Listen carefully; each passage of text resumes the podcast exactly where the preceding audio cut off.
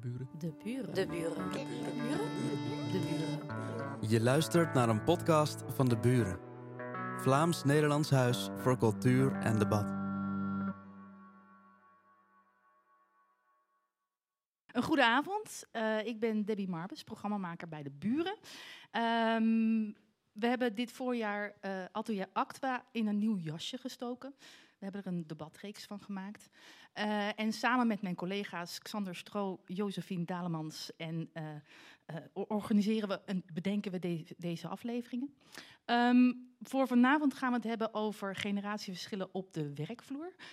ik ga er niet heel te lang iets over zeggen, want ik wil dat heel graag aan Meredith Greer overlaten. Zij gaat vanavond het debat modereren. Um, en zij is eindredacteur van de, bij de Volkskrant uh, en modereert ook veel gesprekken. Ik geef heel graag het woord aan haar. Welkom dus op de tweede editie van uh, de badreeks Atelier Acta. We gaan in op de relatie tussen nou ja, de virtuele wereld en de invloed die die heeft op onze offline realiteit. En dit keer een heel interessant onderwerp. Het gaat over nou ja, de social media memes van quiet quitting, the great resignation, rage applying, allemaal in het Engels natuurlijk, maar uh, internationaal zien we het veel langskomen. Memes, TikToks, uh, reels, filmpjes van mensen die generatiekloven op de werkvloer uh, op humoristische manier neerzetten. Um, en er zijn natuurlijk stereotypen genoeg over en weer. Want millennials, dat zijn narcistische sneeuwvlokjes. En babyboomers, dat zijn natuurlijk zelfgenoegzame, uh, verwende mensen die het allemaal goed voor elkaar hebben. Dat weten we natuurlijk allemaal, dat dat feitelijk helemaal correct is natuurlijk.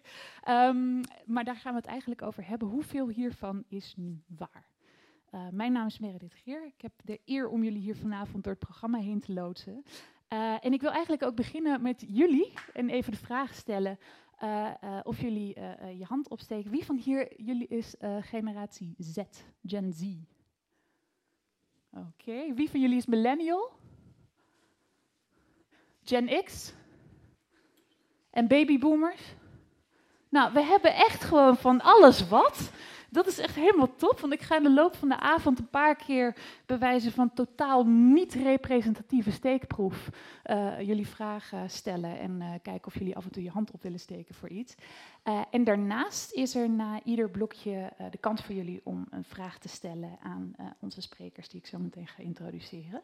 Dus bedenk tijdens de gesprekken die je hoort ook vooral wat je zelf nog zou willen vragen. Het programma. Um, nou, dat gaat uh, er als volgt uitzien. We gaan beginnen met een presentatie waar ik heel veel zin in heb. Met een heleboel leuke fragmenten van auteur en journalist Katrien Zwartenbroeks. En uh, daarna gaan we dus in debat. Ik heb dat uh, debat in drie blokjes opgedeeld. In eerste instantie gaan we het hebben over generatieverschillen en vooroordelen. daarna over arbeidsomstandigheden en werkcultuur. En tot slot over memes en offline activisme. De politieke lading eigenlijk die er achter deze memes zit. Maar dan heb ik nu eerst het genoeg om jullie te introduceren aan als eerste spreker. Ze is journalist voor De Morgen en ze schrijft daarnaast daarvoor uh, over popcultuur en maatschappelijke uh, trends. En in april verschijnt haar essaybundel Oké dan niet over werken en de vloek van het vooruitgangsverhaal. Wil graag een warm welkom voor Katrien Zwartenbroeks. Kun je kort iets vertellen over je boek dat eraan komt? Ja, um, ja oké dan niet is voor mij een bundeling van essays over de tijdsgeest en de sentimenten die wij daarbij hebben, uh, de mijlpalen die we verondersteld worden te nemen, uh, een eerste job vinden, carrière maken, uh, eventueel trouwen, kinderen krijgen, een huis kopen. En hoe, we, hoe die mijlpalen ook veranderd zijn in een maatschappij die toch wel behoorlijk aan het veranderen is de afgelopen vijf jaar. En wellicht ook nog wel zal blijven veranderen.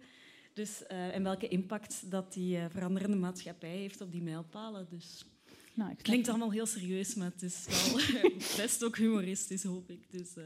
Ik snap in ieder geval helemaal waarom ze je gevraagd hebben voor deze lezing. Ik okay. geef het podium aan jou, Katrien Zwartebroek. Hallo, goedenavond. Uh, ik moet mezelf dus niet meer introduceren, dat is makkelijk. Um, jullie zitten hier misschien ook wel te denken van oké, ik heb een ticket gekocht voor een serieus debat over werk en de evolutie daarvan.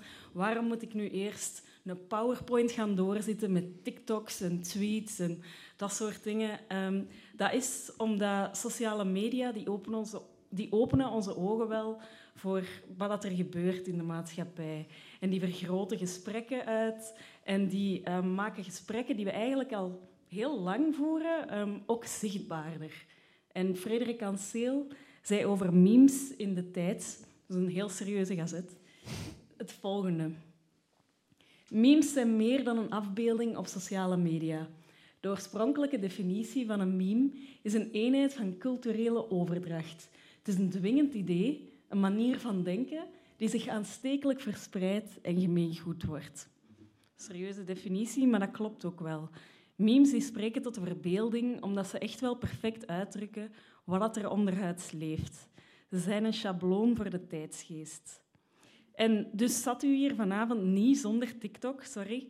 In de zomer van 2022 was er een bepaalde trend op TikTok die voor zodanig veel commotie zorgde dat zowat iedereen en uw moeder er wel een mening over had gevormd. Ik heb het natuurlijk over... Bon, ik heb het eigenlijk over quiet quitting. Nu, quiet quitting dat is op zich geen nieuwe term. Die bewoording die dook eigenlijk een jaar geleden al op op YouTube bij Timothy Ward. Um, maar die is wat ouder en YouTube gaat minder snel viraal. Dus het is eigenlijk Zaid Khan die het wel verspreid heeft. Quiet quitting dat wordt eigenlijk ook wel heel vaak gelinkt aan de Tang Ping-beweging uh, in China. Dat is een soort hashtag-activisme tegen de werkcultuur en het vele overwerk daar. Maar dat is een hashtag die uh, behoorlijk gecensureerd wordt door de Chinese regering. Dus ook dat kwam toen niet echt van de grond. Nu, het is niet dat quiet quitters of Chinese werknemers, voor alle duidelijkheid, gewoon dutjes doen op het werk. Hè. Ze stellen zich eigenlijk gewoon vooral vragen bij... Oké, waarom moet ik mijzelf uitsloven? Moet ik uren kloppen die niet vergoed worden? En waarom eigenlijk? En dat zijn dan uren die gaan van ik zeg maar wat, op vrijdagavond nog een deadline halen, dus urenlang overwerken, maar wel een pizza krijgen van de baas, want hey, teamwork. Um, gaan joggen in het t-shirt van het bedrijf, zodat je toch laat zien dat je een teamplayer bent. In het weekend toch nog even wat mails beantwoorden. Al die dingen die misschien voor mijn generatie nog wel zo wat de connotatie hebben van oké, we kunnen daar contacten mee leggen of we bouwen daar credit mee op en uiteindelijk hebben we een carrière, maken we promotie en daar kunnen we een huis mee kopen. Het is een beetje niet moeilijk om u te bedenken waarom dat jonge mensen dat vandaag niet meer echt zo zien zitten. Allee, not in this economy.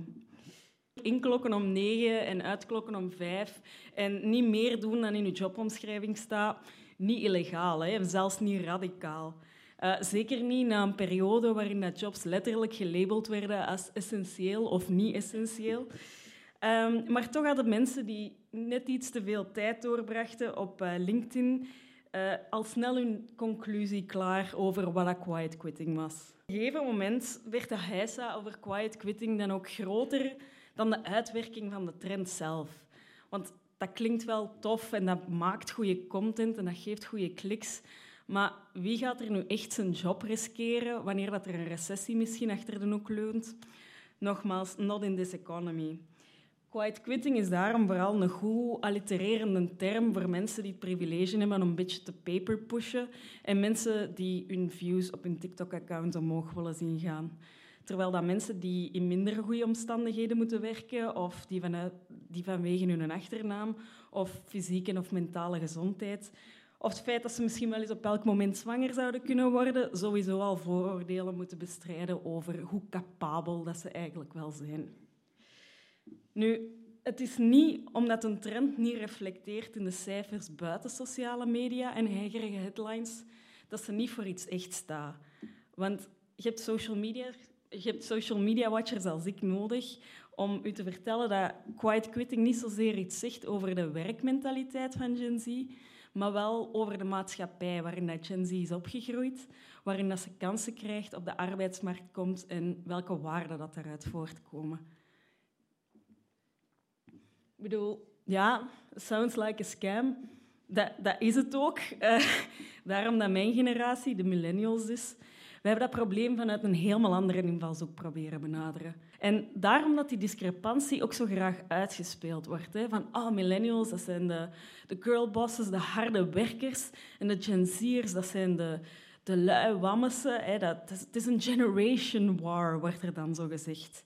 En ja, Gen Z'ers die lachen terecht om onze rise and grind uh, koffiemokken en onze girlboss koffiemokken aan de ene kant. En millennials die voeteren misschien wel op hun Gen Z-werknemers die inderdaad om vijf uur een laptop op, op, dichtklappen, terwijl dat zij ja, lang hebben doorgewerkt destijds op die leeftijd om te staan waar dat ze vandaag staan.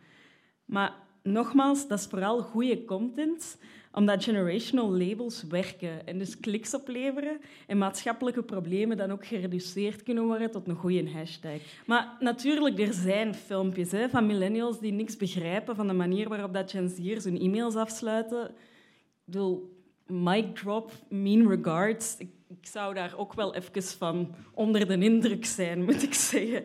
Uh, net zo goed als dat er ook filmpjes zijn van Gen Z'ers die vinden dat wij te veel emoji gebruiken in Slack-kanalen.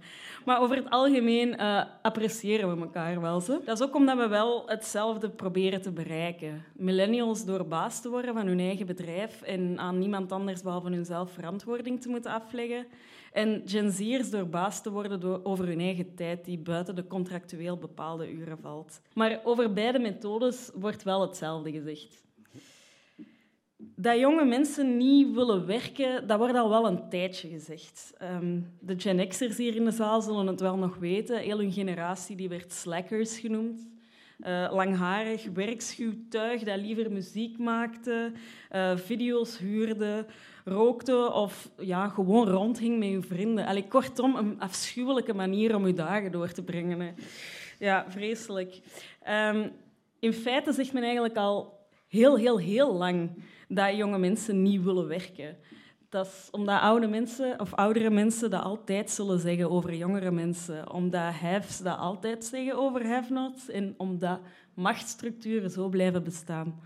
Er zitten hier zelfs een aantal mensen die heel veel kennen van arbeidsrecht en de werkvloer en zo verder enzovoort. En die zullen nu ongetwijfeld zeggen dat quiet quitting in feite gewoon een rebrand is van work to rule. In het Nederlands heet dat stiptheidsactie en mij doet dat eigenlijk vooral denken aan een brandalarmoefening op school. Dus ik ben Gen Z wel dankbaar dat hij ons nieuwe taal geeft om het te hebben eigenlijk over oude concepten die vandaag eens te belangrijk zijn. En die nieuwe taal dat resulteert ook in nieuwe termen, zoals quiet hiring. Dus quiet hiring dat is dat je werknemer meer taken en verantwoordelijkheden, soms zelfs een nieuwe fancy titel geeft, zonder dat daar eigenlijk een loonsverhoging tegenover staat. Dan heb je ook nog rage applying. Dus rage applying wil eigenlijk zeggen dat je openlijk solliciteert voor een nieuwe baan, terwijl dat je nog op je oude positie zit. Meestal om je ongenoegen duidelijk te maken aan je werkgever, maar soms komt daar ook iets goed uit voort. Dat is dus allemaal nieuwe wijn voor oude zakken. Uh, oude wijn in nieuwe zakken, of hoe het spreekwoord ook mag zijn. Um, de voorbije maanden werd er heel veel inkt en bandwijdte verspild aan semantische discussies over hoe je al dan niet quit als je het quiet doet. Maar dat is voor mij niet de onderliggende boodschap. En ik denk ook niet de onderliggende boodschap dat we vandaag gaan bespreken. Want in feite hebben slackers, girlbosses en quiet quitters hetzelfde doel. Nadenken over welke rol werk in ons leven kan spelen en hoe dat we dat in balans kunnen houden. Liefst nog in this economy.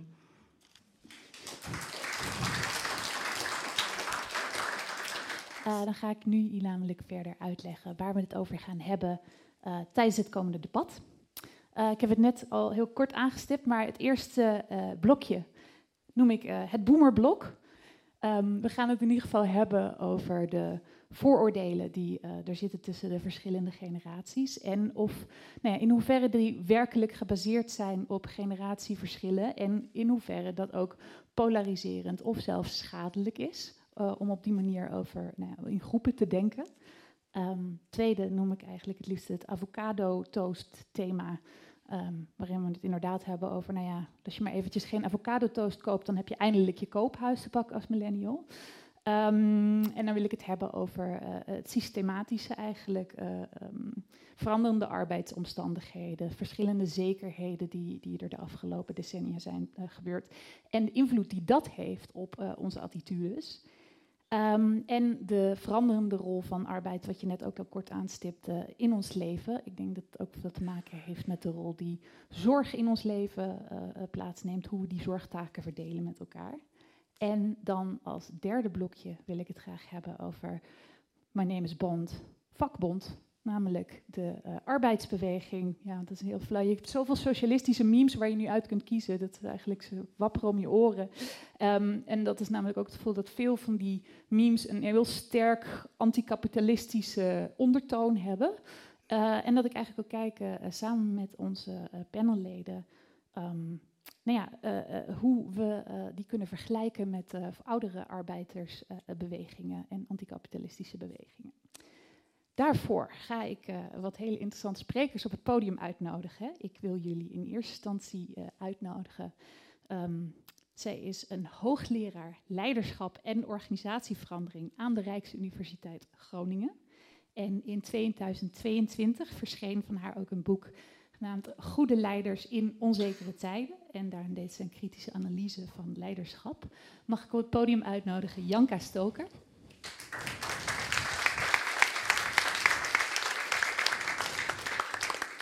Welkom, Janka. Yes. Uh, de tweede panelid dat ik aan jullie voor wil stellen is... hij is junior consultant bij Tech Natives, een bureau hier in Brussel... dat zich richt op het ondersteunen van techbedrijven... bij het recruteren van jong talent.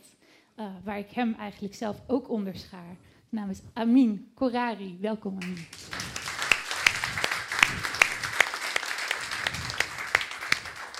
En tot slot wil ik graag op het podium uitnodigen. Hij is professor arbeids- en organisatiesociologie aan de Katholieke Universiteit Leuven. Hij was daarnaast ook voormalig uh, directeur van Onderzoeksinstituut voor Arbeid en Samenleving. En nog een heleboel andere publicaties en functies. Die, nou ja, als we die beschrijven, dan zijn we hier de hele avond nog. Ik het podium alstublieft. Geert van Hotegem.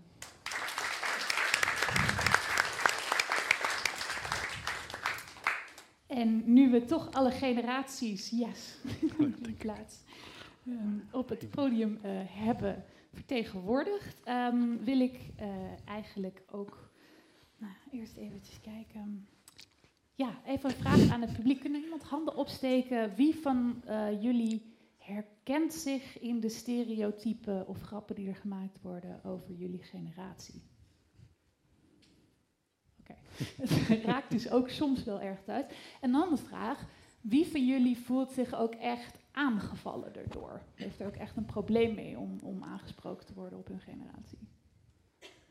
Oh, dat valt mee. Dan hoeven we in ieder geval niet heel erg op onze woorden te letten. Um, maar uh, we gaan dan nu uh, uh, graag met het eerste blokje aan de slag. Ik zal ook eventjes plaatsnemen aan tafel. Um, ja, Millennials zijn lui, uh, boomers zijn out of touch. Gen X is uh, cynisch en uh, Gen Z is onrealistisch. Er zijn genoeg vooroordelen allemaal te hebben. We gaan het hebben over het idee. Is die generatiekloof, zijn die verschillen die we online belachelijk maken, schadelijk, polariserend? Hoeveel is er van waar? En ik wil eigenlijk meteen naar jou, Janka, want ik weet dat jij hier een sterke mening over hebt. Uh, in hoeverre uh, zie jij dat er daadwerkelijk iets klopt van die generatieverschillen en in hoeverre, uh, wat vind jij het effect daarvan? Nou, ik vond je verhaal, Katrien, ik vond je verhaal leuk. Hè? En wat je ook ziet is dat het heel erg kan helpen om sommige dingen uit te leggen. Maar um, er is eigenlijk geen enkel onderzoek dat laat zien dat die generatieverschillen bestaan.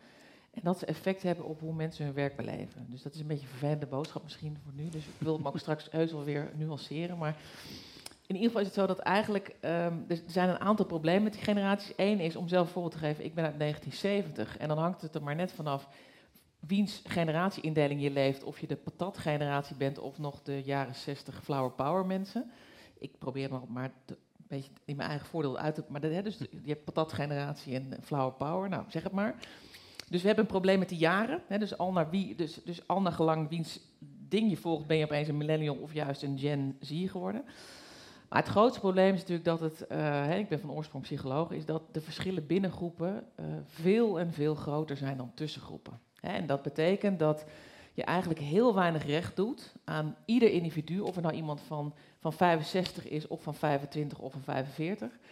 Ehm, en we weten uit heel veel ander onderzoek naar eh, het indelen in groepen, dat dat eigenlijk heel veel kwaad doet. Dus stelt in plaats van, van groepen, generaties die hebben over mannen en vrouwen, dan snapt iedereen opeens dat je denkt, oh ja, dat is eigenlijk best wel discriminerend. Als we de hele tijd dit soort plaatjes laten zien over de stereotype vrouw en de stereotype man. Hetzelfde kunnen we doen, wordt het nog erger met huidskleur. Dus ehm, dus het, maken van groepen is wat mij betreft iets heel gevaarlijks. En het is allemaal heel erg leuk en het is grappig. Maar tegelijkertijd doet het dus echt heel weinig recht aan, uh, nou ja, aan individuen. En het laatste punt is eigenlijk dat uit onderzoek blijkt dat uh, natuurlijk doet leeftijd ertoe. Dus het feit dat je op je 25ste iets anders wilt dan als je 50 bent, in je werk en in het leven en de rollen die je hebt, dat is uiteraard waar. Maar daarom vond ik jouw plaatje heel erg mooi, van dat we altijd, we zeggen altijd al sinds dat we schrijven, of sinds dat we de oude Grieken of de oude hebben we het over de jonge generatie die niet wil. En de, dus, dus dat is van alle tijden dat, we op een, van, dat oudere mensen op een bepaalde manier naar jonge mensen kijken.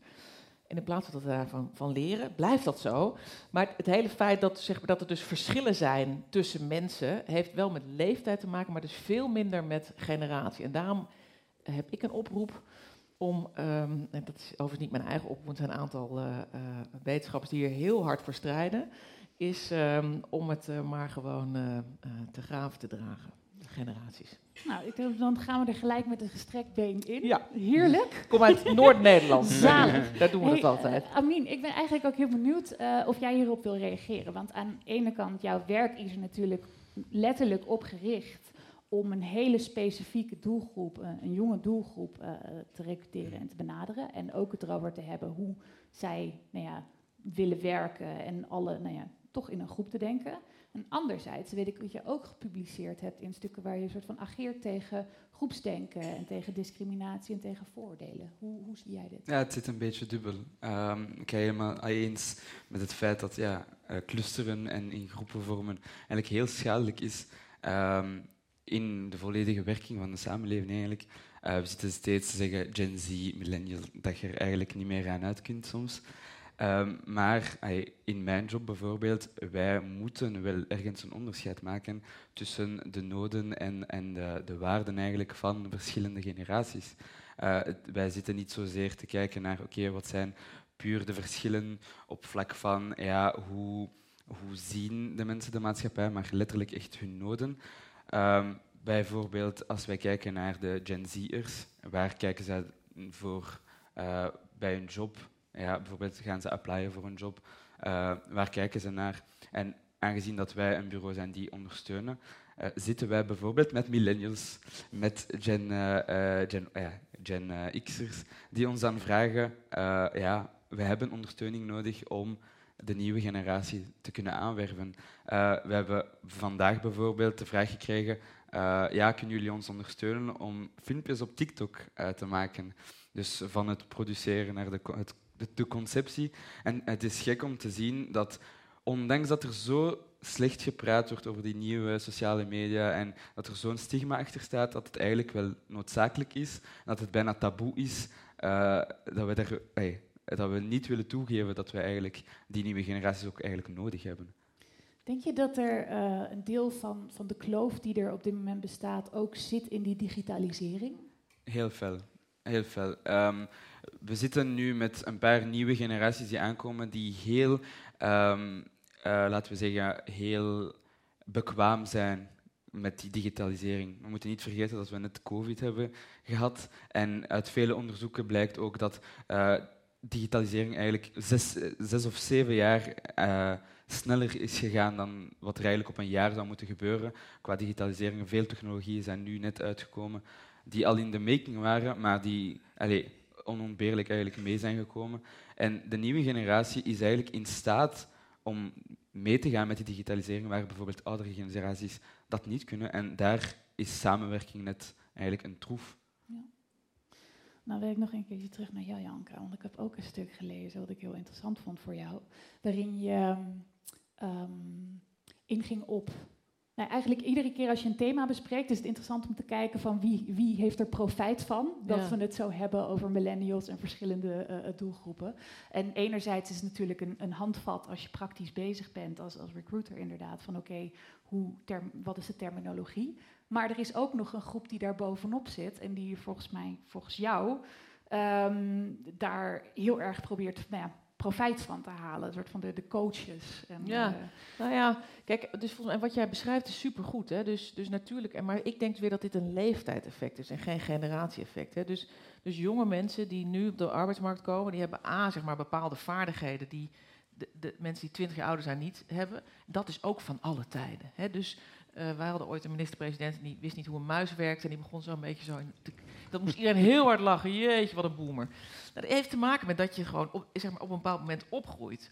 Dus, dus dat is wat mij betreft heel erg een pleidooi om naar zeg maar, wensen van jonge mensen te kijken. In en, en, en kwaliteit van die jonge mensen. En wat dat ook betekent voor misschien kwaliteiten van oudere mensen die dat zouden moeten leren. Maar wat ik dus, kijk, waarom ik het gevaarlijk vind, is omdat. ehm, doordat je er dus bijna een soort business van. Hè, dus wat wij in de wetenschap. En dat is ook. Ja, weet je, wij moeten ook beter ons best doen misschien om dingen zeg maar, naar de wereld te krijgen. Maar wat je eigenlijk ziet is dat het soms zo is dat wij bepaalde eh, concepten onderzoeken en dan eigenlijk dan kunnen zeggen, nou, daar is gewoon geen bewijs voor. Maar dat het vervolgens wel doorgaat in de echte wereld, omdat er allerlei geld mee te verdienen is. Hè? Want het klinkt heel lekker, dit allemaal. En het klinkt ook heel erg, oh nee, maar we zitten allemaal met die jonge mensen. Ja, dat zijn ook omdat het een bepaalde generatie is, die wil iets anders. Oh, nou laten we iemand inhuren die ons daarbij bij kan helpen. Nou, ik, eh, dus, dus er ontstaat een soort van wereld omheen, die niet gebaseerd is op wat we uiteindelijk weten wat werkt. Hè? Eh, maar die tegelijkertijd wel heel, zeg maar, het maakt dingen veel makkelijker voor werkgevers. Het lijkt het makkelijker te maken. Eh, terwijl je eigenlijk, nou ja, nogmaals, ik, als je kijkt naar, naar verschillen binnen generaties, dan kan het zo zijn dat jij en ik veel meer op elkaar lijken dan iemand, zeg maar, dus iemand die net die, zeg maar, in mijn generatie zit, maar die hele andere dingen wil. In werk, qua, hè, dus, dus je moet zo oppassen dat je niet stereotypeert. Ehm, en wat natuurlijk het verdienmodel wordt, is dat het stereotyperen, lijkt heel aantrekkelijk, omdat de dingen er heel eenvoudig door gaan lijken. Hè, dus vrouwen willen dit, mannen willen dat. Nou, dan zit- zitten we allemaal hier een beetje dat je denkt, nou, hm, dat gaat me wel wat ver. Maar bij generaties is dat net een beetje dat je denkt, ja, inderdaad, ik ben ook wel een beetje zo. Nou, dat is een beetje net met, met, een horoscoop. Hè? Als je dat leest, en denkt, ja, ik ben ook wel een beetje, nou, vul maar in. Ik ben ook een ontzettende waterman. hè. Ja, ja. Maar eh, Geert, ik wilde eigenlijk ook even vragen, eh, want ik weet van jou, jouw werk heeft zich ook heel erg gericht op de zorgsector. En daar zit je natuurlijk gewoon met het feit dat er een ontzettende vergrijzing is, enerzijds, en ontzettende pe- personeelstekorten, anderzijds. Dus jij zit met dat grote gapende probleem. Hoe trek ik in godsnaam jongeren aan die dit werk gaan doen? Ja, en, maar misschien toch nog even op, op, op die generaties. Bent, eh, het gaat misschien nogal een, een fel debat worden als we het de hele tijd helemaal eens zijn met elkaar. Maar ik ben toch wel helemaal eens met wat er net gezegd geweest is. Maar ik wil er misschien nog iets aan toevoegen. En ik denk dat enerzijds door te heterogeniseren tussen generaties, wat fout is, daar ben ik het helemaal mee eens, ga je meteen ook homogeniseren binnen groepen. En of het nou mannen of vrouwen zijn of mensen van een andere afkomst. Hè, en ga je die neurologische diversiteit ontkennen. ja. En maak je het eigenlijk makkelijk om die ene generatie waar je het dan over hebt, om die dan over één nacht ijs te gaan beschouwen. En de essentiële verschillen die daartussen zitten, en waar je eigenlijk rekening zou moeten mee houden, om die te gaan negeren. Dus eigenlijk, wat ik probeer te zeggen, is dat gaan denken of gaan spreken in generaties, is eigenlijk verschillen tussen mensen gaan uitvlakken. En ook daar zijn er partijen die daar grote voordelen bij hebben. Want het is natuurlijk veel moeilijker om een economie te organiseren rondom onze diversiteit en onze verschillen dan, hè, dan Ja. over en zeggen van het zijn maar een paar generaties of het is, het is gender of het is, het is afkomst. Nu terug op die vraag van, van hè, de zorg. Ehm, ik denk ook dat die discussie over generaties, hè, waar we het over eens zijn dat dat eigenlijk een, verschil is tussen leeftijden. Ehm, als we kijken naar de arbeidsmarkt de, de voorbije 60 jaar, en we koppelen dat ook aan demografische ontwikkelingen, en dan kun je zeggen dat eh, dankzij de boomers, dat zijn eigenlijk twee generaties, dat zijn de kinderen die na de Wereldoorlog geboren zijn en de kinderen van die kinderen, hebben we eigenlijk 60 jaar lang veel te veel volk gehad op de arbeidsmarkt. Wat we daarmee gedaan hebben, is, ja, we hebben dat heel slim aangepakt. We hadden een probleem. En we hebben dat probleem opgelost zodanig dat iedereen heel content was. We zijn begonnen met het werk te organiseren zodanig dat we er allemaal ziek van werden. Zodanig dat we 50-plussers vervroegd konden laten uitstromen. Die waren blij, want die waren van een vervelende job af. Die konden ondertussen zorgen voor de kinderen, van de kinderen. Konden voor de ouders gaan zorgen, konden nog wat bijklussen in het zwart. Dat mag misschien niet in Nederland, maar bij ons in België mag dat allemaal.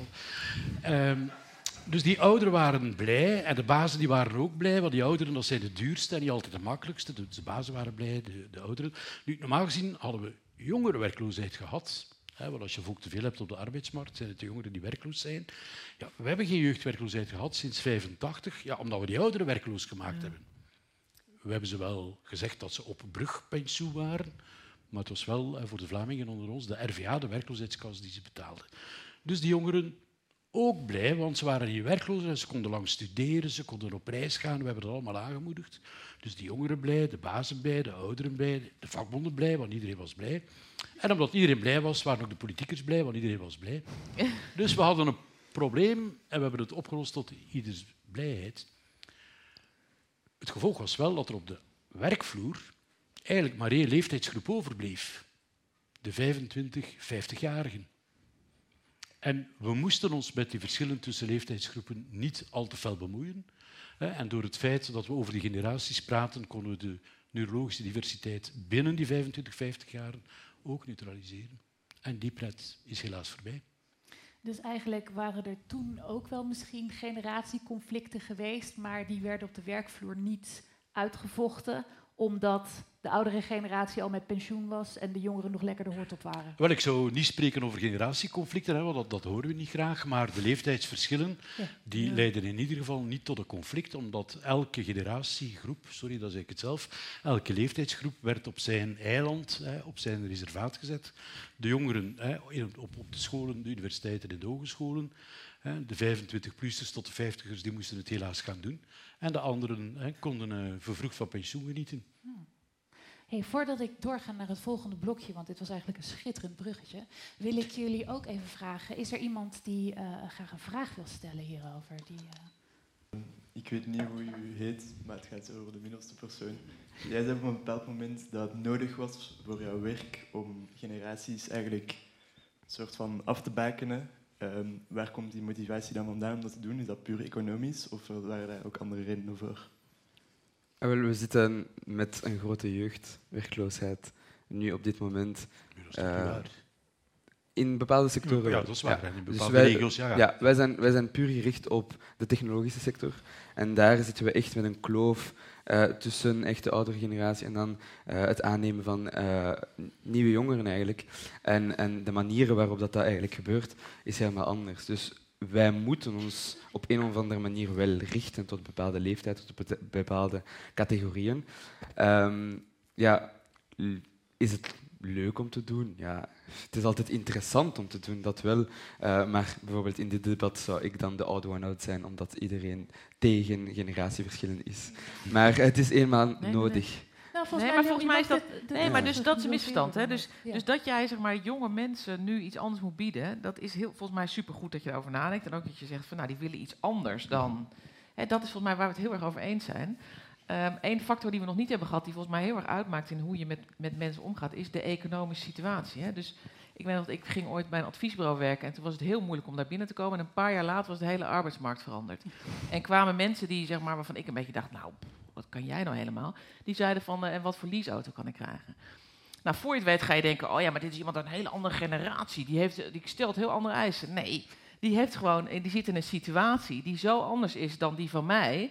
Um, dat als ik diezelfde persoon, hè, als ik daar op dat moment had gezeten, had ik misschien ook wel gevraagd van, nou, wat voor leaseauto kan ik krijgen? Terwijl ik in mijn tijd blij was dat ik een baan kon krijgen. Weet je? Dus, dus hoe mensen ehm, acteren op de arbeidsmarkt en hoe ze zich gedragen. En of ze dus kunnen eisen dat ze denken, nou, uh, ik ga eens even vragen, hoe zit het hier met de yoga? En uh, kan ik op vrijdagmiddag, uh, en hoe zit het met... Dat heeft alles te maken met de macht die je hebt.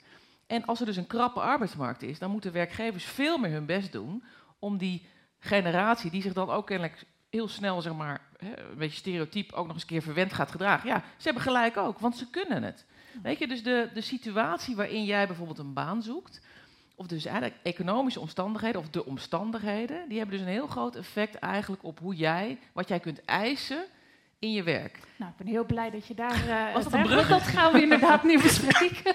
Eh, het idee van eh, de avocado toast generatie. Ja. Moet je maar gewoon een klein beetje minder uitgeven aan je dure koffie. En dan komt het vanzelf goed met je vaste contract en je koophuis.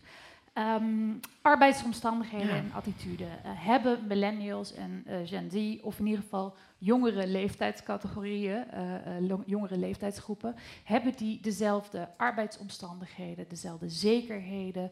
ehm, en als eerdere generaties, wat is er veranderd? Ehm, en hoe informeert dat inderdaad hun attitude tegenover werk? Ik denk dat er daar ook een onderdeel zit van eh, de, de, rol die werk neemt in onze identiteit, maar ook eh, in onze work-life balance. We zijn natuurlijk nu heel anders met z'n allen naar gaan kijken naar eh, het verdelen van zorgtaken over de afgelopen decennia, denk ik.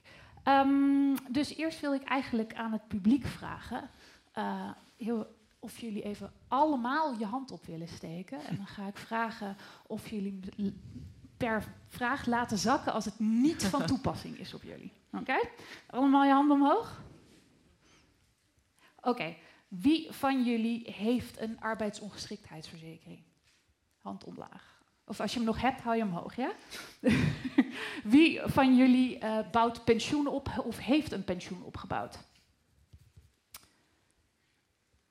Ah, hou je hand omhoog als je een vast contract hebt. En hou je hand omhoog als je een koophuis hebt. En hou je hand omhoog als je dan ook nog onder de 40 bent. Jullie hebben het heel goed gedaan. De winnaars van vanavond. Maar dit, dit is wel een hele interessante eigenlijk eh, eh, ontwerp. Weer een totaal niet representatieve steekproef. maar wel een die volgens mij een leuke illustratie is. Eh, ik kan natuurlijk eigenlijk alleen maar van mijn eigen ervaring spreken. Eh, eh, ik, kom ik woon in Amsterdam. Ik ben een typische millennial die dan ook nog eens in een sector werkt. die ik vanuit passie en overtuiging doe, maar waar geen droogbrood in te verdienen is. En vervolgens ook nog geen enkel contract in te winnen is. En ik forever en altijd alleen maar nou ja, blij mag zijn als ik een dienst te pakken heb en nooit iets zal kunnen kopen. Maar ehm, ik ben eigenlijk benieuwd of eh, die flexibilisering van de arbeidsmarkt, zoals die in Nederland plaats heeft gevonden, hoe dat verschilt met hoe het in Vlaanderen gaat. Eh, misschien kan jij daar iets over vertellen. Ja, ik denk dat dat ehm, toch wel erg verschillend is. Ja. Hè? Dus ik eh, zeg altijd, de, de grens tussen Noord-Europa en Zuid-Europa is niet de grens tussen Vlaanderen en Wallonië, maar is de grens tussen Vlaanderen en Nederland. Hè? En dat zie je aan ongeveer alles wat eh, met eh, arbeidscontracten te maken heeft. Eh, heeft natuurlijk ook te maken, en dat is wat, wat in, de, in, de, in de discussie en in de politiek vaak vergeten wordt, ja, hoe sterker uw bescherming van wat normaal is, hoe groter de kans natuurlijk dat men zijn toevlucht neemt, werkgeverszijde, naar nepcontracten, hè, om die goede. Dus wat dat betreft wordt er wel eens gezegd, in, in Nederland is het zeer moeilijk om iemand te ontslaan, maar is het wel goedkoop. En in België is het zeer gemakkelijk om iemand te ontslaan, maar het is wel duur. En het gevolg, dat zie je aan de contracten van bepaalde duur bijvoorbeeld, die traditioneel in Nederland veel hoger zijn. Eh, deeltijdarbeid is veel hoger eh, in Nederland dan in Vlaanderen, België. Eh, mannelijke deeltijd is een fenomeen in Nederland, bestaat eigenlijk niet in Vlaanderen of in België. Heeft te maken met de oorsprong van de feministische beweging, denk ik, met de aanwezigheid van de kinderopvang. Maar eh, ik heb een primeur bij, een rapport dat eh, binnenkort voorgesteld wordt, waarin we de jobkwaliteit in België bekeken hebben. Hetzelfde is gebeurd in de rest van Europa. En eh, ik heb eens de grafieken zitten bekijken voor de min 24-jarigen. En de min 24-jarigen doen het in alles slechter dan de plus 24-jarigen. Maar, maar, daarna houdt het meteen op. Ja, dus het is met andere woorden, hè, het is de entry op de arbeidsmarkt die ze cash betalen en daarna gaat dat over. En ze zijn wel de meest tevreden groep. Vond ik ook verrassend. Dus ze hebben heel weinig, maar ze zijn wel blij. Ze hebben ermee. blij- voilà. Nou, dat was inderdaad eigenlijk Wetenschappelijk mijn- onderzoek. Grappig. Nee, ja, ik, ik, ik vind dit heel eigenlijk interessant, want je zou, ik, ik ben dus benieuwd wat voor invloed ehm, de afbraak van sociale zekerheden en arbeidszekerheid, ar- arbeidsrecht, eh, wat voor invloed dat heeft op de ethos van mensen, eh, hoeveel werklust ze hebben en of je soort van zo'n quiet quitting beweging, of dat direct te koppelen is aan ehm, nou ja, bepaalde afbraak van zekerheden. Ja, ik denk dat je dat aan Nederlanders moet vragen, want ehm, in, in België is er relatief weinig. Hè. Misschien gaan mensen het niet eens met mij, maar de arbeidswetgeving is vergeleken met Nederland nauwelijks veranderd de voorbije 30, 40 jaar. En je ziet ook, die cijfers zijn heel stabiel gebleven. Hè, dus, dus het probleem van de precarisering zit niet daar. Terwijl in Nederland, ja, het poldermodel is wanneer in elkaar gestuikt? Eh, jaren 80, 82. Ja. Ja, en toen is het denk ik... Ja. Ja, want dat is eigenlijk eh, eh, dan een interessante vraag voor jou. Eh, vanuit een positie, nou, als je leiderschap gaat analyseren, dan is het natuurlijk heel prettig dat je allemaal werknemers hebt die in het precariaat zitten. Die niet weten waar ze aan toe zijn, die van paycheck to paycheck leven. Want dan zijn ze van jou afhankelijk, dan kan je veel meer maken. Ja, maar ze worden ook heel transactioneel. Hè? Dus, ehm, dus de keerzijde is ook dat als er ook maar iets verandert op die arbeidsmarkt, dat je ze ook heel gauw kwijt bent. Dus dat hele quiet quitting heeft ook heel erg te maken met dat we allemaal geleerd hebben in coronatijd. Dat ehm, ja, maar je kan thuiswerken en je kan ook ergens anders gaan werken. En op het moment dat de arbeidsmarkt krap wordt, is natuurlijk, zeg maar, hoe slechter jij met je mensen omgaat, hoe eerder ze, ze ook zullen zeggen, nou de groeten, ik kan, ik kan iets anders. Dus volgens mij, in ieder geval in Nederland gebeuren twee dingen. Eén is dat we volgens mij nu allemaal wel ehm, zeg maar in de organisatie denken die flexibilisering is doorgeschoten. Als je bijvoorbeeld kijkt naar universiteiten, dan eh, hebben we heel lang veel met tijdelijke contracten gewerkt. En is het nu eindelijk een soort tegenbeweging die zegt van nou dat kan eigenlijk niet. En die zie je ook in andere sectoren. Hè, want nou ja, eigenlijk bied je mensen dus heel weinig eh, zekerheid. En het andere is volgens mij dat ehm, de vergrijzing waar we het over hadden, gecombineerd dus met eigenlijk ehm, nou ja, zeg maar een hele krappe arbeidsmarkt, dat het dus eigenlijk, en dat is eigenlijk heel opportunistisch, maar dat werkgevers nu ook gewoon het niet meer kunnen. Want ehm, je moet mensen dus meer gaan bieden eh, om ze uiteindelijk gewoon aan je te binden. Dus, dat hele, dus je kan zeggen, nou het is heel opportunistisch om eh, te denken, nou je bent van mij heel afhankelijk. Ja, maar dat is wel wederzijds. Want op het moment dat die afhankelijkheid dus ook zeg maar, toeneemt aan werkgeverskant, kan je natuurlijk ook bij dit soort mensen zeggen, ja hoezo, ik ben toch helemaal niet gecommitteerd aan jou? Dus als ik het ergens anders beter kan, nou kijk naar die, dat, dat, dat, die TikTok van dat meisje met dat eh, ra- rage, eh, Rage quitting. ra- ja, dat je Dat denkt, nou rage jongens, applying, ja. ik ga gewoon, eh uh, hupsakee, ik haal er voor mijzelf het beste uit. Amin, herken je dit? Dat werkgevers nu ook eh, aan de andere kant meer moeten eh, eh, bieden. Dat ze eigenlijk er niet meer mee wegkomen. Ja, helemaal. En dat is eigenlijk eh, een van de principes waar dat wij niet rond werken, maar wat, waar wij rond adverteren ook een beetje. Ehm, wij noemen het eigenlijk from employer branding to employee branding. Eh, het, het is bijna alles dat tailor-made moet gemaakt worden voor de kandidaat. De kandidaat moet zich aangesproken voelen in de goede omstandigheden. Telewerk is bijna een, een, een, een noodzaak bijna in je, in je job description. Kun je hier wat voorbeelden van geven? Want ik, ik wauw, dat er een tailor-made functie voor mij gemaakt. Hoe ziet dat eruit? Ja, we bekijken eigenlijk de noden van, van, eh, van de arbeidsmarkt eh, in plaats van omgekeerd. Dus het, het gaan niet de employees zijn die gaan zoeken naar een job, maar jij moet bijna eigenlijk eh, echt je, je personen gaan pikken, echt, echt gaan zoeken. Ja. Wat zijn de, de meester van eh, eh, hoe ver heb je werkgevers zien gaan om iemand voor zover te krijgen om voor ze te gaan werken? We hebben echt voor bepaalde klanten soms heel hun job description. Bijvoorbeeld, ik heb het, ik, dat is heel rudimentair, job description. Bij sommigen hebben we zelfs zo dat invulvakje van cv invullen hebben we weg moeten halen, omdat een cv indienen via bijvoorbeeld als je op je mobiel wilt solliciteren, is een struikelblok geworden. En dus als sommigen zien, ja, het is effectief zo. Dus, gewoon ja, te veel moeite. ja, werkgevers moeten zich helaas, maar ook eh, voor de nieuwe generatie is dat wel goed, zij moeten zich ook aanpassen. Dus hoe weinig, zo weinig mogelijk struikelblokken. En oké, misschien in een verdere fase dan ontwikkelen. Maar als je ziet, vroeger moest je dan rond eh, drie, vier, vijf sollicitatierondes hebben voordat je pas een job kon hebben. En dat was maar je starterjob. Terwijl dat je nu eigenlijk met, met open handen wordt aange- eh, aangenomen. En ik denk dat een van de TikToks was van, ah ja, if I rage quit, En daarna krijg ik 500 euro meer ah, ergens anders. Dat is omdat de anderen ook weten dat zij aantrekkelijk Ja. moeten zijn. Ja, je haalde de referentie naar de zorg aan. Hè. Dus ik, ik werk nogal in wat woonzorgcentra en daar komen ze klagen bij ons van ja, we hebben amper kandidaten en dan kiezen we tussen onze kandidaten en dan bieden we die een contract aan en dan zijn ze weg. Ja, de suggestie was, als je een kandidaat hebt, geef hem meteen een contract. En dat is nu een sollicitatiegesprek. Ah, ik kom solliciteren. Ja, teken maar. Ja. ja, hier heb je de sleutel. Zo gaat het vandaag. Ja, en dat, dat- als je het dan ook hebt over verschillende generaties, ik zeg ook wel vaker tegen mijn studenten, het, het grote verschil tussen jullie en jullie ouders is, hè, voor de rest denk ik dat, dat samenlevingen eigenlijk maar traag veranderen. Hè. Dus dat is ook hè, wat ik opbouw, van eigenlijk verandert die samenleving heel traag. Maar eh, jullie ouders hebben moeten zoeken achter werk. En nu komt werk jullie zoeken, Ja. dus wees gerust. Maar jullie ouders hebben ook heel veel kansen gekregen om nee te zeggen tegen werk. En ik denk dat jullie dat niet zullen kunnen.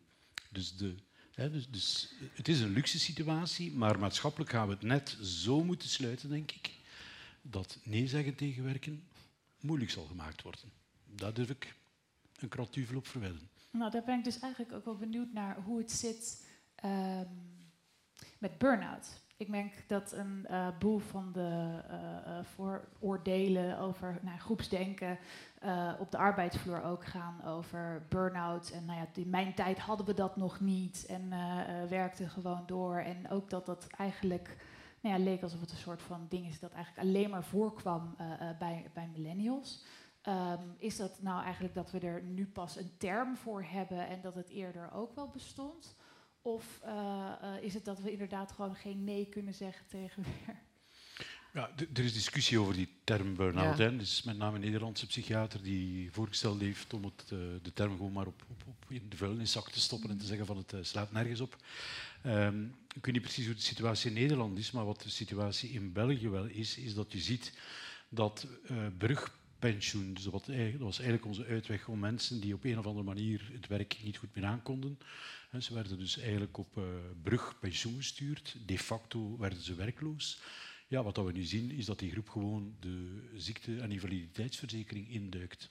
En de daling van de werkloosheid gaat gelijk op met de stijging van het aantal eh burn-outs. Dus ik denk dat, ehm, ja, ik denk één, dat het van alle tijden is. Eh, twee, eh, we zien ook wel terug uit dit onderzoek dat de werkdruk de voorbije twintig jaar gigantisch toegenomen is. Ja, Ja.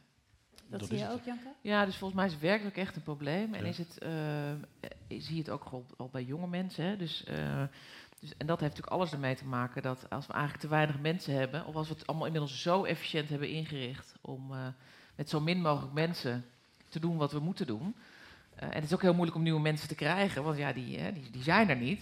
Dan betekent het eigenlijk dat je mensen nou ja, permanent eigenlijk vraagt om meer te doen dan, dan misschien normaal is.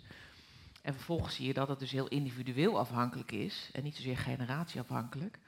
Eh, ja, of je daar, zeg maar, hoe je daarmee omgaat. En de een kan eerder nee zeggen dan de ander bijvoorbeeld. Nou, dat is een heel persoonlijk iets. Sommige mensen hebben er helemaal geen moeite mee. Andere mensen vinden dat echt heel lastig.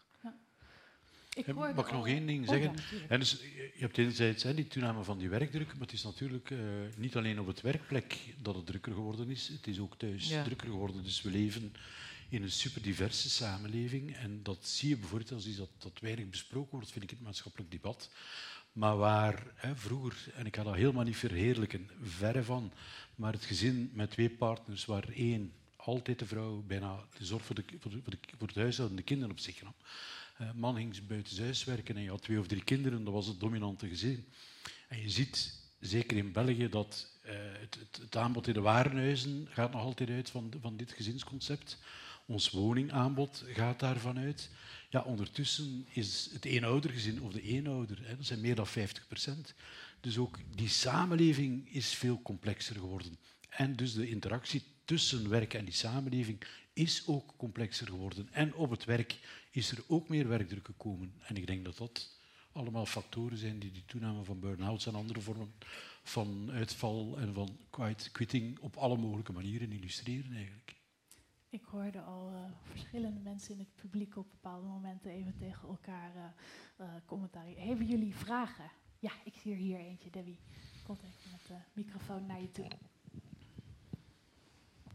Uh, ik heb wel een vraag voor Janka. Uh, in Nederland gaat nu de pechgeneratie is langzaam de werkvloer en gaat de werkvloer betreden. Zie je een verschil in hoe zij zich gedragen op de werkvloer en wat zij eigenlijk verwachten van een werkgever? Want ja, je start met een hoge schuld.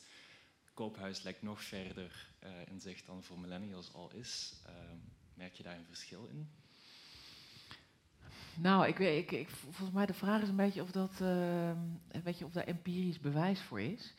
Uh, want ook zeg maar, met die pechgeneratie zijn er weer hele grote verschillen binnen die generatie. Hè. Dus sommige van die mensen hebben rijke ouders. En die geven hen wat geld of die kopen een huis voor ze. Of die, en anderen die hebben een ongelooflijk hoge schuld. En die, dus binnen die generatie zie je natuurlijk ook weer heel, heel grote verschillen in um, uh, ja, hoe mensen daar zeg maar, aan toe zijn. Een van de dingen die je overigens in Nederland nu wel ziet, is dat we krijgen bijvoorbeeld weer studiefinanciering terug komend jaar. Afgelopen jaar hadden we echt 5% minder inschrijving van studenten. Dus er is altijd een beetje gezegd van, ah jongens, maar die schuld, het geeft niets, want je kan het lenen en mensen moeten echt leren dat ze dat, dat kan echt. Nou, je ziet dus, het maakt enorm uit voor mensen. De schuld waarmee ze beginnen na hun, uh, na hun studie, de moeite die het kost om daarmee, even afgezien dat er geen huizen zijn, hè, maar de moeite om dan een huis te kunnen kopen, uh, als je, zeker als je geen uh, vast contract hebt. Dus dus je ziet dat dat heel moeilijk is. Ja, dat is ook, ook die generatie. Hè, dat, jij zit in de generatie daarvoor, die heeft dat dus ook al. Maar het grote verschil is weer dat er hele oneerlijke verschillen eigenlijk zijn. Tussen mensen die allemaal ongeveer even oud zijn. En de een heeft het veel moeilijker dan de ander. Maar je ziet dus echt een afname van het aantal aanmeldingen van ja, studenten? Ja, dus dit jaar, dus wij in Nederland... Ja, dus in Nederland, dus we hebben heel lang... We hebben ooit studiefinanciering gehad, toen hebben we het afgeschaft vanuit gedachte, je moet gewoon kunnen lenen. En dat is voor iedereen, en dat kan heus wel, dan hoef je 0% rente... Uh, nou, inmiddels is dat een beetje van. Maar en nu, is, en nu heeft de politiek eigenlijk gezegd, we willen gewoon mensen meer weer laten studeren, want het is allemaal heel, toch best wel vervelend zo'n schuld. Dus dat gaan we invoeren in uh, 23, 24. En afgelopen jaar, dus 2023, hebben we echt volgens mij over de hele linie uh, 5% minder inschrijvingen. Dus ja, het maakt enorm uit voor mensen, die schuld. Dus, dus we zijn er ook wel een beetje van teruggekomen. Um, dus ja, het, maakt wel, dus het heeft wel effect op hoe je daarna in het leven staat. Maar het heeft ook te maken met de kansen die je hebt gegeven. Nou, bijna een beetje de, de, de, de, de ja, het nest waar je uitkomt. Of de, de context waar je uitkomt. Waren er nog meer uh, vragen vanuit het publiek?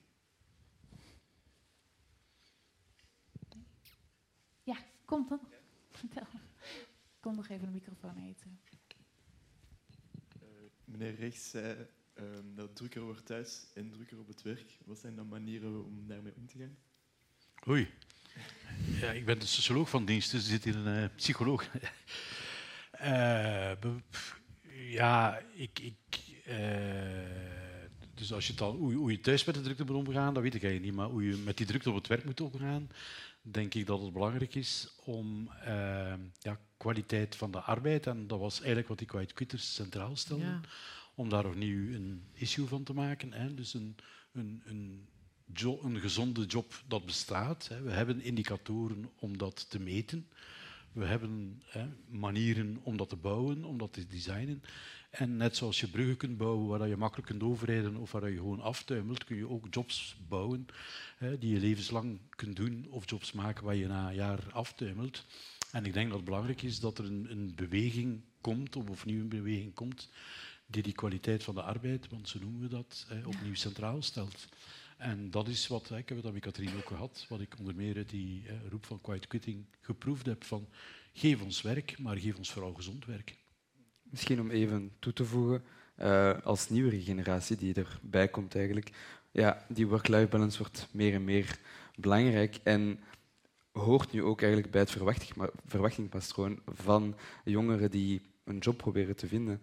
Um, echt van die work-life balance en ik zei al telewerk, maar het is niet zomaar telewerk. Er is ook druk bij en oké, okay, dat, dat, dat moet je niet zien als een luxe eigenlijk. Uh, maar ja, je moet echt uh, voor je eigen een beetje ook uitzien en bekijken van oké, okay, wat wil ik nu echt effectief? En ja, op welke plek ga ik dat het meeste vinden? En ik denk dat employers daar het meeste nu naar, meer en meer naar gaan kijken. Banen worden meer ingericht op uh, uh, zorg, nou, herverdeling van ja, is noodzakelijk. Er, er, zijn ook veel memes bijvoorbeeld van oké, okay, how do you get rewarded door je employer? En dan is dan zo, ah, pizza time. Ja, maar ja. Dat, is, dat, is, het cliché van, ja. Ah ja, de vrijdag krijgen jullie allemaal pizza. Nee, ja. teambuildings. Is, werkgevers kunnen heel creatief daarmee omgaan of Ja. gewoon de vrijheid geven. Eh, dat gaat ook van types of management. Als je te veel micromanage, dan is, heb, heb je hetzelfde probleem. Om te even welke leeftijdsgroep of Ja. generatie.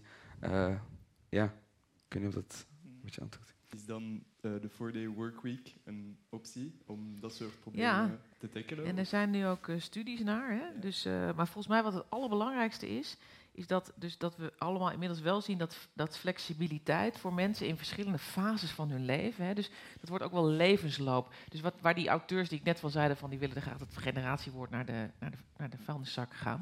Die zeggen, we willen, moet iets anders voor in de namelijk levensloopmanagement. Hè? Dus snappen dat mensen in verschillende fasen van hun leven behoefte hebben aan iets anders. Dus als je net eh, eh, bent afgestudeerd, dan wil je niet vijf dagen thuis werken. Want dan wil je namelijk juist, dan wil je naar je werk en dan wil je daar mensen ontmoeten. Terwijl als je misschien jonge kinderen hebt, dan is het heel fijn om te kunnen zeggen van nou, ik wil twee dagen thuis werken en dan doe ik dat tussen negen en drie en dan werk ik s'avonds. Dus daarmee kan ik zelf mijn werk inrichten. Nou, iemand van 50 plus die zegt misschien wel van nou, ik vind dat ik, ik word sneller moe. Dus ik, nou, kortom, dat is een soort van levensloopmanagement eigenlijk. En wat je dus eigenlijk wilt, is dat werkgevers en dus ook leidinggevenden snappen dat als jij bij mij komt werken, dat jij dan, jij bent een individu en je hebt bepaalde kenmerken en kwaliteiten, maar je zit ook in een bepaalde levensfase. En die brengt iets met zich mee. En eigenlijk moet ik zorgen dat de levensfase waarin jij zit, dat dat past bij, nou ja, hoe je dan je werk kan doen. En jij wilt iets anders dan Geert, maar jullie werken allebei misschien wel in dezelfde organisatie. Nou, moet je zorgen eigenlijk dat jij iets anders geregeld krijgt dan Geert. En als ik een goede werkgever ben,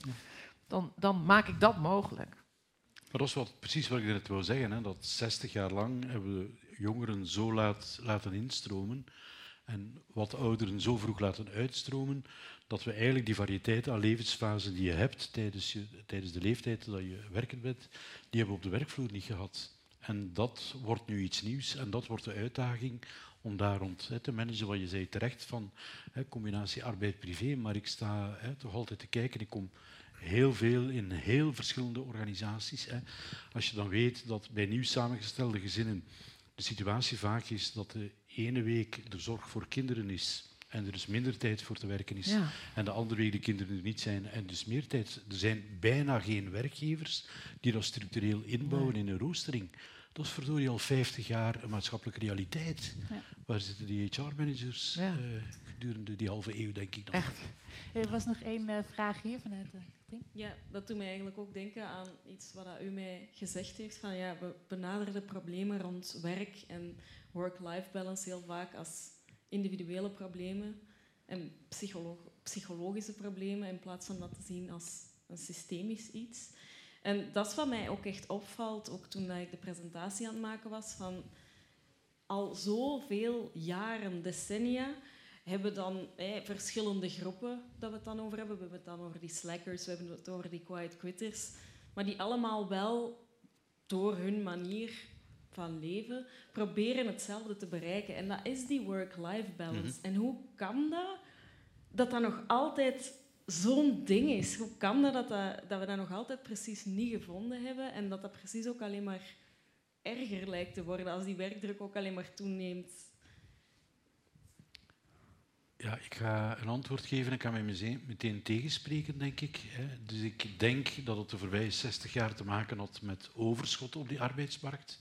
Die machtsbalans waar Janka het over heeft. Dus de, de werkgevers en de recruiters hadden het voor zeggen. En Ja. iedereen die nog maar een beetje, maar echt een heel klein beetje afweek van de norm, die kwam het systeem niet in Ja. of vloog eruit. En er was plek zat.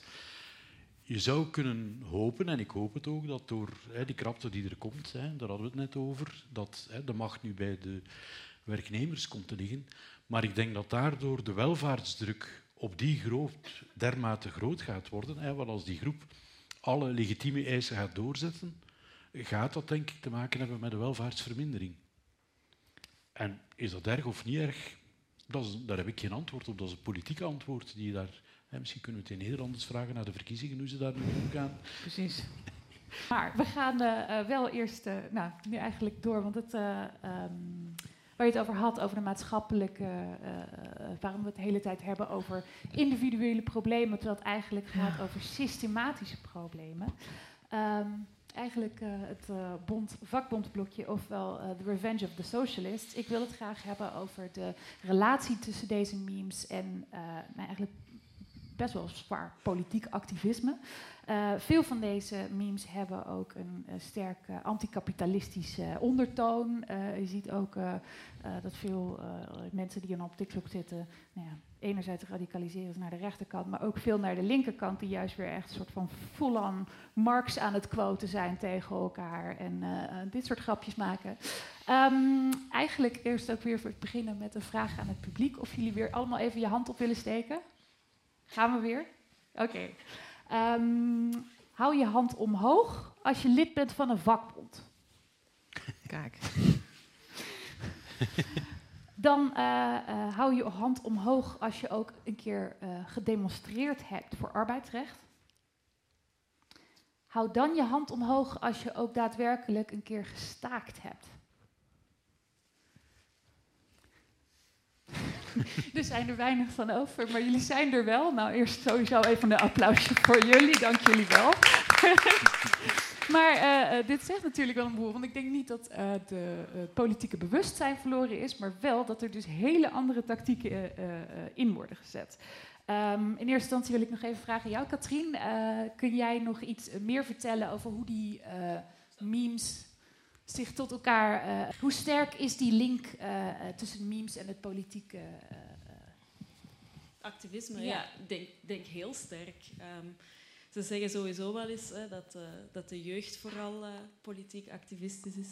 Ik weet niet of dat, dat klopt, maar ik weet wel dat memes een heel makkelijke taal zijn, ook gewoon om heel moeilijke ideeën over te brengen. Um, en dat leent zich daardoor ook uitstekend tot politiek activisme. Of dat het nu... Ik denk niet dat het alleen aan de linkerkant is, zoals dat je al aanhaalde. Ik, ik zie helaas ook heel veel um, heel extreme ja. rechtse dingen opduiken. Um, net omdat het zo'n simplificatie is, natuurlijk. Hè. Dus ik denk wel... Ik, ik vind het leuk, omdat het wel laat zien van... Oké, okay, kijk, de jeugd is duidelijk wel meer bezig of veel bezig met politiek. Um, maar ik vind het op, op, een bepaalde manier ook wel gevaarlijk, omdat het echt wel bepaalde ideeën te simpel um, voorstelt. En dat zie je ook in de discussies. Als die discussies zich dan verplaatsen naar een Reddit of naar een Twitter of zo, zie je ook wel dat mensen eigenlijk bijvoorbeeld ook geen idee meer hebben wat kapitalisme bijvoorbeeld is. Hè. Dat is een heel gemakkelijk iets om uh, kapitalisme gewoon in de vuilbak te smijten. Dat is een heel uh, populair dingetje nu, uh, capitalism. Maar ja, vaak weten mensen niet zo goed waarover dat ze het hebben. En dat is dan wel heel jammer, vind ja. ik. Dus. Ja. Ik snap maar de, de, love de, memes, hè. Maar, ja. ja. maar de nuance die, die is wel enigszins uh, zoekend. Ik wilde vragen aan jou, uh, Geert. Als jij kijkt naar... Um, ja, eigenlijk de geschiedenis van zeg maar, arbeidsbewegingen en, en dit soort uh, tra nou ja, traditionele reformen, vakbonden, stakingen, blokkades. Uh, zie jij overeenkomsten met dit soort online memes en, en dat soort bewegingen? Maar de overeenkomst is misschien, hè, wat net door Katrien aangehaald is, het, het inhoudelijke en, en het mobiliserende. Maar het grote verschil lijkt mij dat het heel ja, versplinterd is Hè, dat het geen centralistische beweging is. Hè. Ik, ik spreek er niet uit of het goed was, maar ik ben eh, een beetje toevallig in de meest gewelddadige betoging van de hele hesjes in Frankrijk terechtgekomen. Mm -hmm. En ja, dus ik dacht echt, allee, ik had het nog nooit meegemaakt. Ik dacht van, goh, derde wereldoorlog is begonnen of zoiets. Het was voor uh, Oekraïne. Uh, ik dacht, er moeten hier honderdduizenden demonstranten zijn. Ja, dat was dus niet. Er waren 8000 hele hesjes. En je had een heel centralistisch georchestreerd politieoptreden. Je had die 8000 hele hesjes, die, ik zag ze bezig gewoon hè, met het mobiel in aanslag. En eigenlijk heel ja, flexibel, guerrilla, tactisch-achtige veldslagen voerden. Um, veldslagen. Ja, het was indrukwekkend. Het was succesvol, kun je die dag wel zeggen, als je het hè, vanuit hun perspectief kijkt. Maar heel erg blijvend is het toch niet geweest. Hè. En dat is wel het voorbeeld, denk ik, voor uh, massasociale bewegingen tot nog toe, dat ze die centralistische, ja. dat ze, dankzij dat georchestreerde, dat centralistische, duidelijke leiders, hè, duidelijke inclusie en exclusie, denk ik die impact gehaald hebben. Dus ik zie de toonzetting hè, en, en, en de aard van het verzet zie ik eerder gelijkenissen. Aanpak is verschillend en tot nader order is, heeft het ook minder effect, zou, zou ik denken. Ja, dat is natuurlijk altijd de grap. Als je gaat demonstreren, dan zeggen mensen: waarom kan dat niet op een andere toon? Waarom kan dat niet beleefder? Ja. En als je dan een meme neerzet, dan, uh, dan, dan doet eigenlijk niemand er iets mee. Dan wil ik ook vragen aan jou, Janka: van, van, uh, als je nou spreekt over. Um, ja, jij, jij doet veel onderzoek naar veranderingen in organisaties. En wat heeft nou het meeste effect? Denk je dat, dat werkgevers of organisaties uiteindelijk opletten en luisteren naar, naar dit soort uh, memes als ze langs zien komen? Dat je denkt van, oh, dit discours wordt nu wel ook besproken. Wat kunnen we eraan doen? Of moet je uiteindelijk gewoon met z'n allen barricaden op en gewoon staak, staak, staak? Nou, ik denk dat, uh, dat Geert in die zin wel heel erg gelijk heeft. Dat uiteindelijk gaat het natuurlijk gewoon om de aantallen. Dus je kan hier ook gewoon best wel om lachen natuurlijk. Dat je denkt, nou hartstikke leuk, maar het is zo gefragmenteerd. Dus wat betekent dit nou voor mijn organisatie? He, dus een van de dingen die uh, in ieder geval in Nederland bij de vakbonden heel lang geweest is, dat het gewoon alsmaar minder werd. Ook omdat mensen ja. dachten, maar ze, ze, representeren mij niet meer. Hè? Dus ja. uiteindelijk, ze, ze, ze, kwamen ooit ergens voorop en, en, die groep werd steeds ouder. En al die mensen die daarna kwamen dachten, ja, maar dit gaat niet over mij, want ik heb heel andere contracten en ik heb andere problemen. Dus een soort van solidariteit in die groep is dus eigenlijk, uh, of de, in ieder geval is de vakbond er niet in geslaagd om dat nog weer te doen. Nou, de vraag is of, nu, dat nu verandert, hè, want er zijn wel steeds meer stakingen bijvoorbeeld, in ieder geval in Nederland. Dus kennelijk vinden we het wel weer opnieuw uit. Uh, maar ik denk dat werkgevers daar gevoeliger voor zijn dan, uh, maar dit doet helemaal geen pijn. Hè. Dit is natuurlijk, ja, we kunnen, ik bedoel, ja, misschien een beetje vervelend als ze een grap over je maken en dat ze je een kapitalist noemen, maar weet je, hoe erg is dat? Dus ik denk uiteindelijk dat de massa, en uh, dat doet veel meer pijn. Ja. I mean, zie jij zo van andere of nieuwe vormen van, van solidariteit of uh, uh, hoe, hoe, mensen zo van op dit thema elkaar opzoeken of activistisch zijn? Of is het echt alleen maar pragmatiek? Ik denk dat wij, um, hoe vaak dat wij uh, horen als jongere generatie dat wij niet activistisch zijn, dat wij niet bezig zijn met de politiek. Ja. Ook al is dat wel het geval. Hè, en er zijn zoveel voorbeelden van hey, jong politieke partijen. Um, hey, vaak zijn voorzitters en anderen eigenlijk nog millennials, maar echt op de rand met de nieuwe generaties en leeftijdsgroepen, om heel politiek correct te zijn. Um, maar de, de, de gist of all of it is um, informatie. Ja. Wij beschikken over zoveel informatie. En om even terug te komen, uh, er is ook heel fake, veel fake news.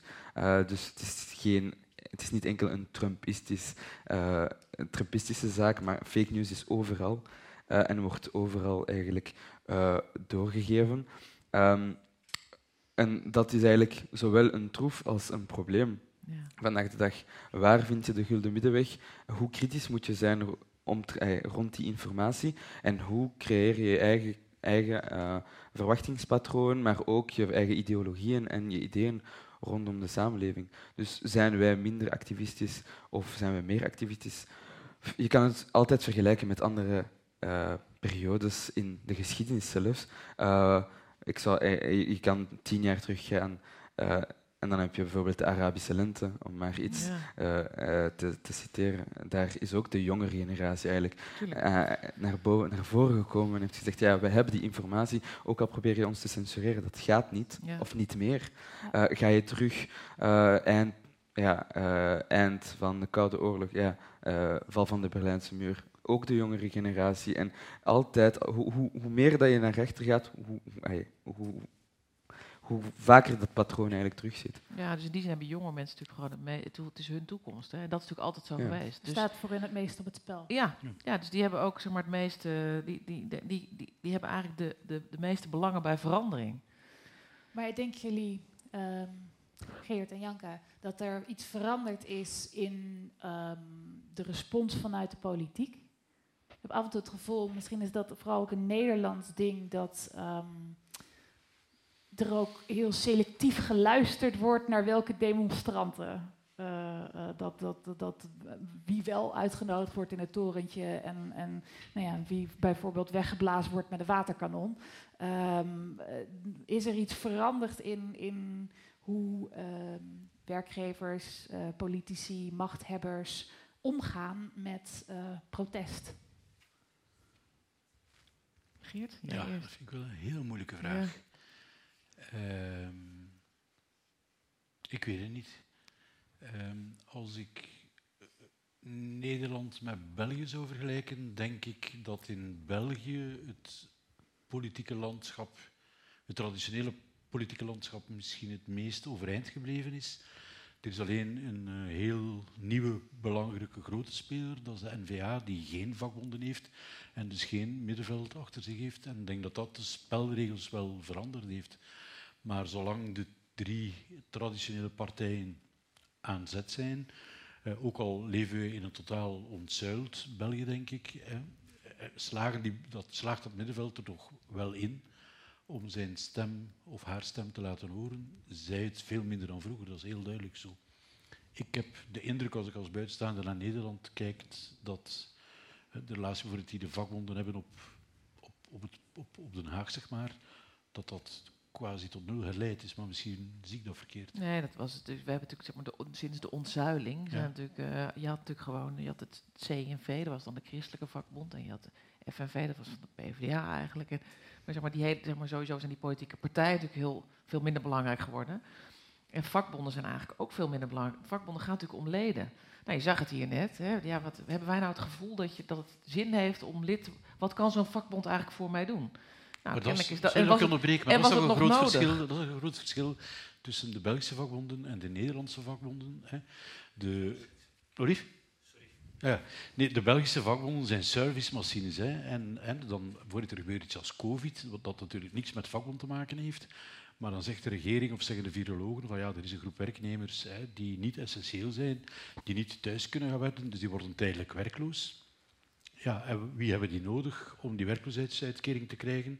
Dat zijn de vakbonden. Ja, ja, oké. Okay. Ja, de vakbonden zijn totaal dat, dat is totaal, voilà, ja, ja, dus in die zin zijn de vakbonden, ook, ook de vakbondcijfers in België zijn van de hoogste van, uh, van Europa, van de wereld, denk ik.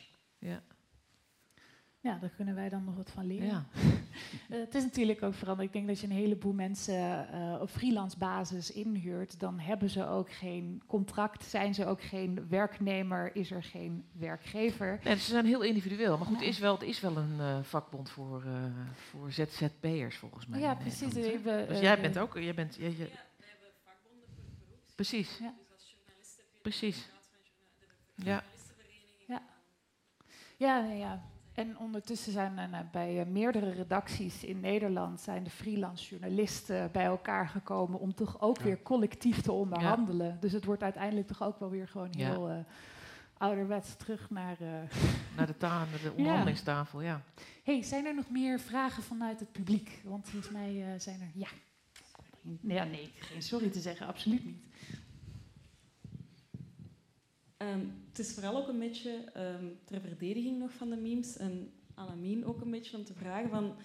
Ik heb wel het idee, misschien de vakbondcijfers, dat dat niet per se toeneemt of zo, maar ik heb wel het idee dat de ideeën van vakbond, of het, meer het collectieve idee boven het individualisme nu, dat dat wel terug aan het leven is. En dat dat dankzij memes dat jonge mensen ook wel meer in contact komen met die ideeën. Ik zeg niet dat die memes daarom correct zijn, maar dat helpt wel om die ideeën te verspreiden en dat het collectief wel terug aan aantrekkingskracht wint of zo. Ik weet niet, is dat...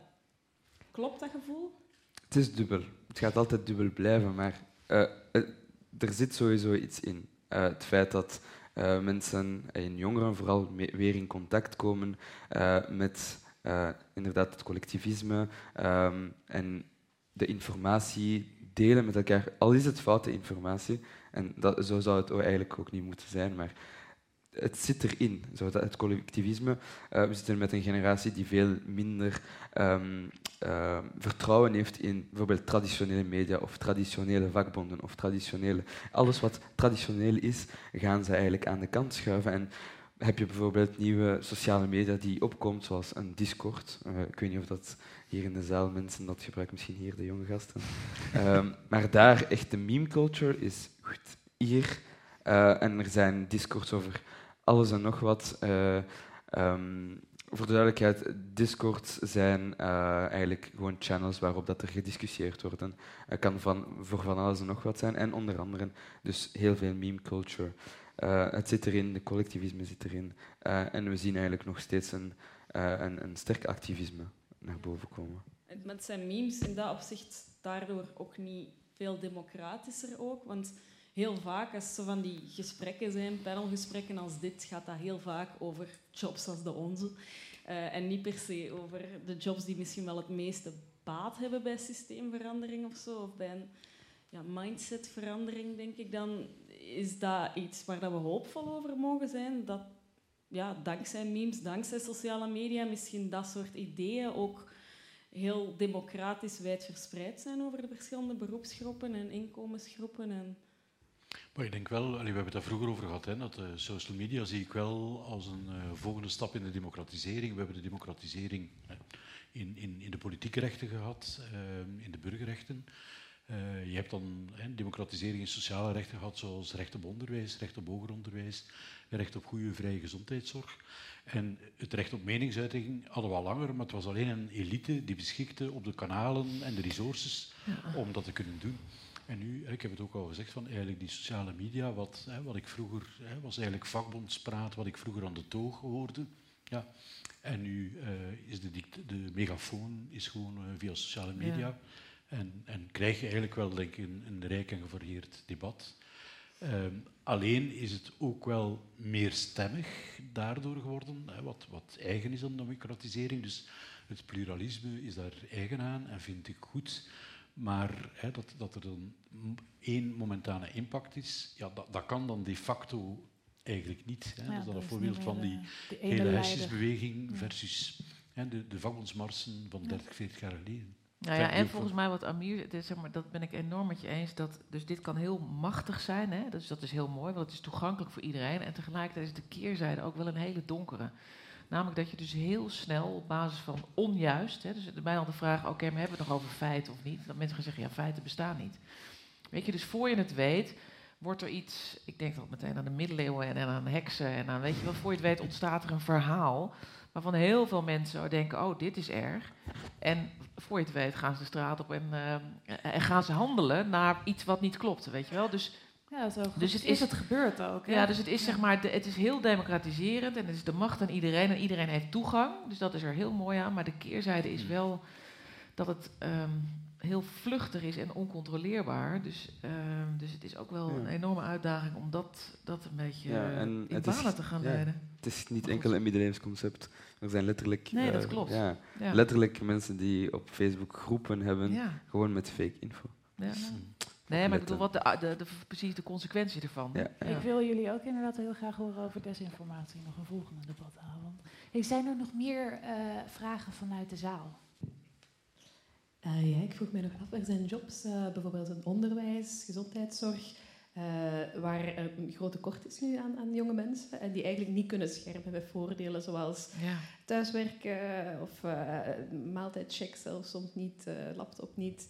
Um, ja, moeten daar hervormingen gebeuren om, om toch jonge mensen aan te trekken? Hoe kun je die jobs toch ingevuld krijgen? Is ook wel iets waar ik jullie mening over zou willen horen. Beter betalen. Mij, ja, daar begint het mee. Ja. nou, maar wat wel leuk is, wat in, uh, dus in Nederland is, is parttime werk een groot probleem in de zorg. Hè, dus daar is de een van de vragen. Nu kunnen we dus toch op de manier, en trouwens in het onderwijs ook. Hè, dus, dus nu heeft de minister bedacht, we geven een voltijdsbonus. Nou, dat werkt niet. Want van, van drie dagen naar vijf, dat gaat niemand doen. Maar er zijn wel alle hele mooie experimenten hoe je nou eh, binnen een organisatie ervoor kunt zorgen dat mensen niet per se van 28 naar 40 uur gaan, maar van 28 naar 32. Of misschien gekoppeld aan hun levensloop, dat je gaat zeggen, nou nu misschien niet, maar over vijf jaar. Dus, we, dus in die zin geldt ook daar weer dat, je, dat organisaties eigenlijk meer hun best moeten gaan doen om het voor mensen mogelijk te maken. En dat zit hem soms dus in roostering. Hè? Dus, dat, dus er zijn echt wel, daar zijn echt wel meer oplossingen voor dan dat je alleen maar zegt, nou, we, weet je, we geven ze een voltijdsbonus. En dan daarna denken, god, dat is gek dat ze dat niet willen. Nee, want ze willen namelijk hun leven een beetje kunnen uh, organiseren. Dus, dus salaris zijn enorm belangrijk, maar het is nog bijna belangrijker om te gaan kijken hoe kun je naar mensen die al werken, want er zit heel veel, in ieder geval in Nederland, heel veel parttime werk, juist in het onderwijs en de zorg, dat je daar iets aan doet. Geert, jij hebt hier in uh, Vlaanderen juist ook heel erg gespecialiseerd op dit uh, vraagstuk in de zorg. Ja, dus, dus ik denk een, een deelantwoord is uiteraard denk ik dat die arbeidsvoorwaarden moeten herschikt worden. Ehm, en ik kom terug op, op de discussie over de kwaliteit van de arbeid. En ik wil uh, verwijzen naar iets wat in de zorg bekend staat als de rimpeldagen. er is ooit onder de Witte Hoede, toen Mieke Vogels minister van Zorg was, is eigenlijk de analyse gemaakt dat jobs in de zorg, ook bijzonder de jeugdzorg, zwaar zijn, wat een terechte analyse is. En ik denk, hè, dan kunt u een beetje vergelijken met de rugzak als die te zwaar is. Je kunt zeggen van oké, dan gaan we minder verstappen met die, met die rugzak. En dat is wat we afgesproken hebben. Dus we hebben meer verlof gegeven aan die mensen. Je had ook die rugzak wat minder zwaar kunnen maken. Hè. Ja. Uh, dus wat men gedaan heeft, is mensen heel veel verlof gegeven. Uh, leidt tot allerlei toestanden. Hè. Wordt de job voor de jongeren nog zwaarder daardoor.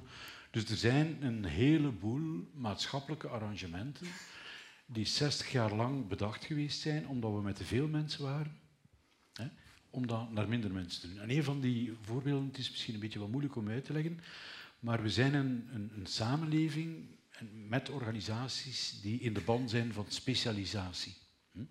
Specialisatie tussen organisaties. Een woonzorgcentrum is iets anders dan een crash. En een crash is iets anders als een centrum voor mensen met een mentale beperking. En dat is iets anders dan een gevangenis.